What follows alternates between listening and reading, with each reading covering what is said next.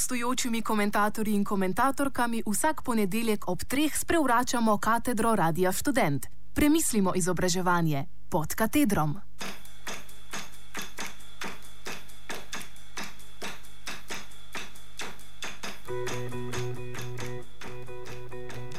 Sem naročena na spletne novice kariernih centrov Univerze v Ljubljani, na moj e-mail naslov vsake toliko zatava kakšno obvestilo glede zaposlitvenih možnosti za mlade diplomante, magistre in podoče doktore znanosti.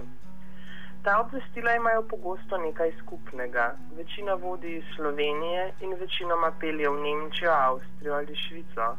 Karierni center Univerze v Ljubljani mi tako vsak teden ljubeznivo sporoča, da vzgaja naslednjo generacijo gastarbajterjev, mladih perspektivnih intelektualcev, ki bodo nekje drugje prispevali k razvoju intelektualne krajine in se ob večjih praznikih vračali domov s potovalkami polnimi kave, čokolade in agrumov.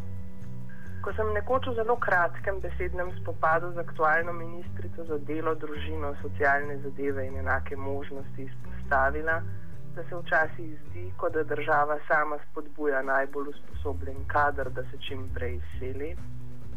Je zelo odločnim tonom, zelo malo argumenti zatrdila, da temu nikakor ni tako in da se vsi pristojni na vse mogoče načine prizadevajo, da bi nas obdržali. Lepo, vendar malo verjetno. Dejstvo je namreč, da bi bili mladi intelektualci motivirani ostati samo pod pogojem, da bi slovenska intelektualno-znanstvena sfera kazala kakršne koli znake življenja. Prizadevati si za to, da bi obdržali intelektualni sloj v nastajanju, bi torej pomenilo prizadevati si za razcvet te intelektualne sfere. Kar pa je načrt, ki se zdi precej oddaljen od kakršne koli realizacije. Stanje duha na Univerzi v Ljubljani, ki nam lahko služi kot primer, je namreč stanje globoke depresije ker je zaradi omejitev zaposlovanja svežega profesorskega kadra vse manj, se fakultete in oddelki starajo. Na njih se nabira premenita plesen brez upa, ki daje študentom občutek, da v tem venečem zahajajočem svetu slovenskega visokega šolstva nič ni mogoče in da vsi skupaj bolj ali manj čakamo, da se nas ukine. Ta neprijeten občutek krepi tudi postopno uvajanje šolnin, ki so se že zalezle v podiplomski študij in nenehno grozijo, da bodo poplavile tudi do diplomskega.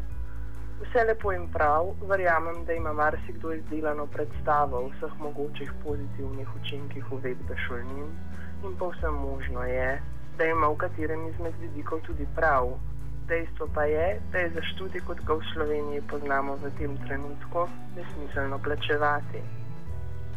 Če bi si denimo Univerza v Ljubljani rada postavila ceno, bo morala za začetek dvigniti kvaliteto svojih programov. V nasprotnem primeru nam več nišče več ne bo zmožen najti motivacije, da bi se šolal na njej.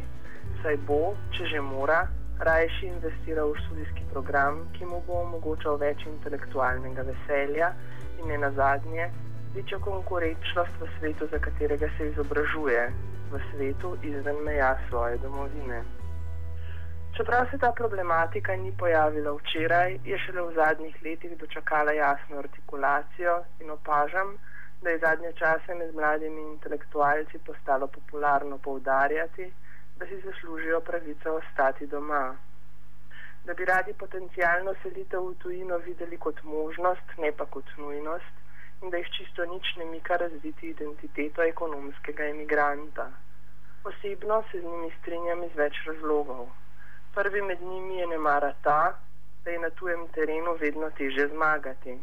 Če sem bolj natančna, predvsem za humanističnega intelektualca, ki je pri svojem delu v veliki meri odvisen od jezika, je prehod v tuje jezikovno okolje vedno neke vrste izguba. Kdo se za njo odloči, vedno tvega, da bo prisiljen živeti in delati kot drugorazredni intelektualec brez prave ostrine.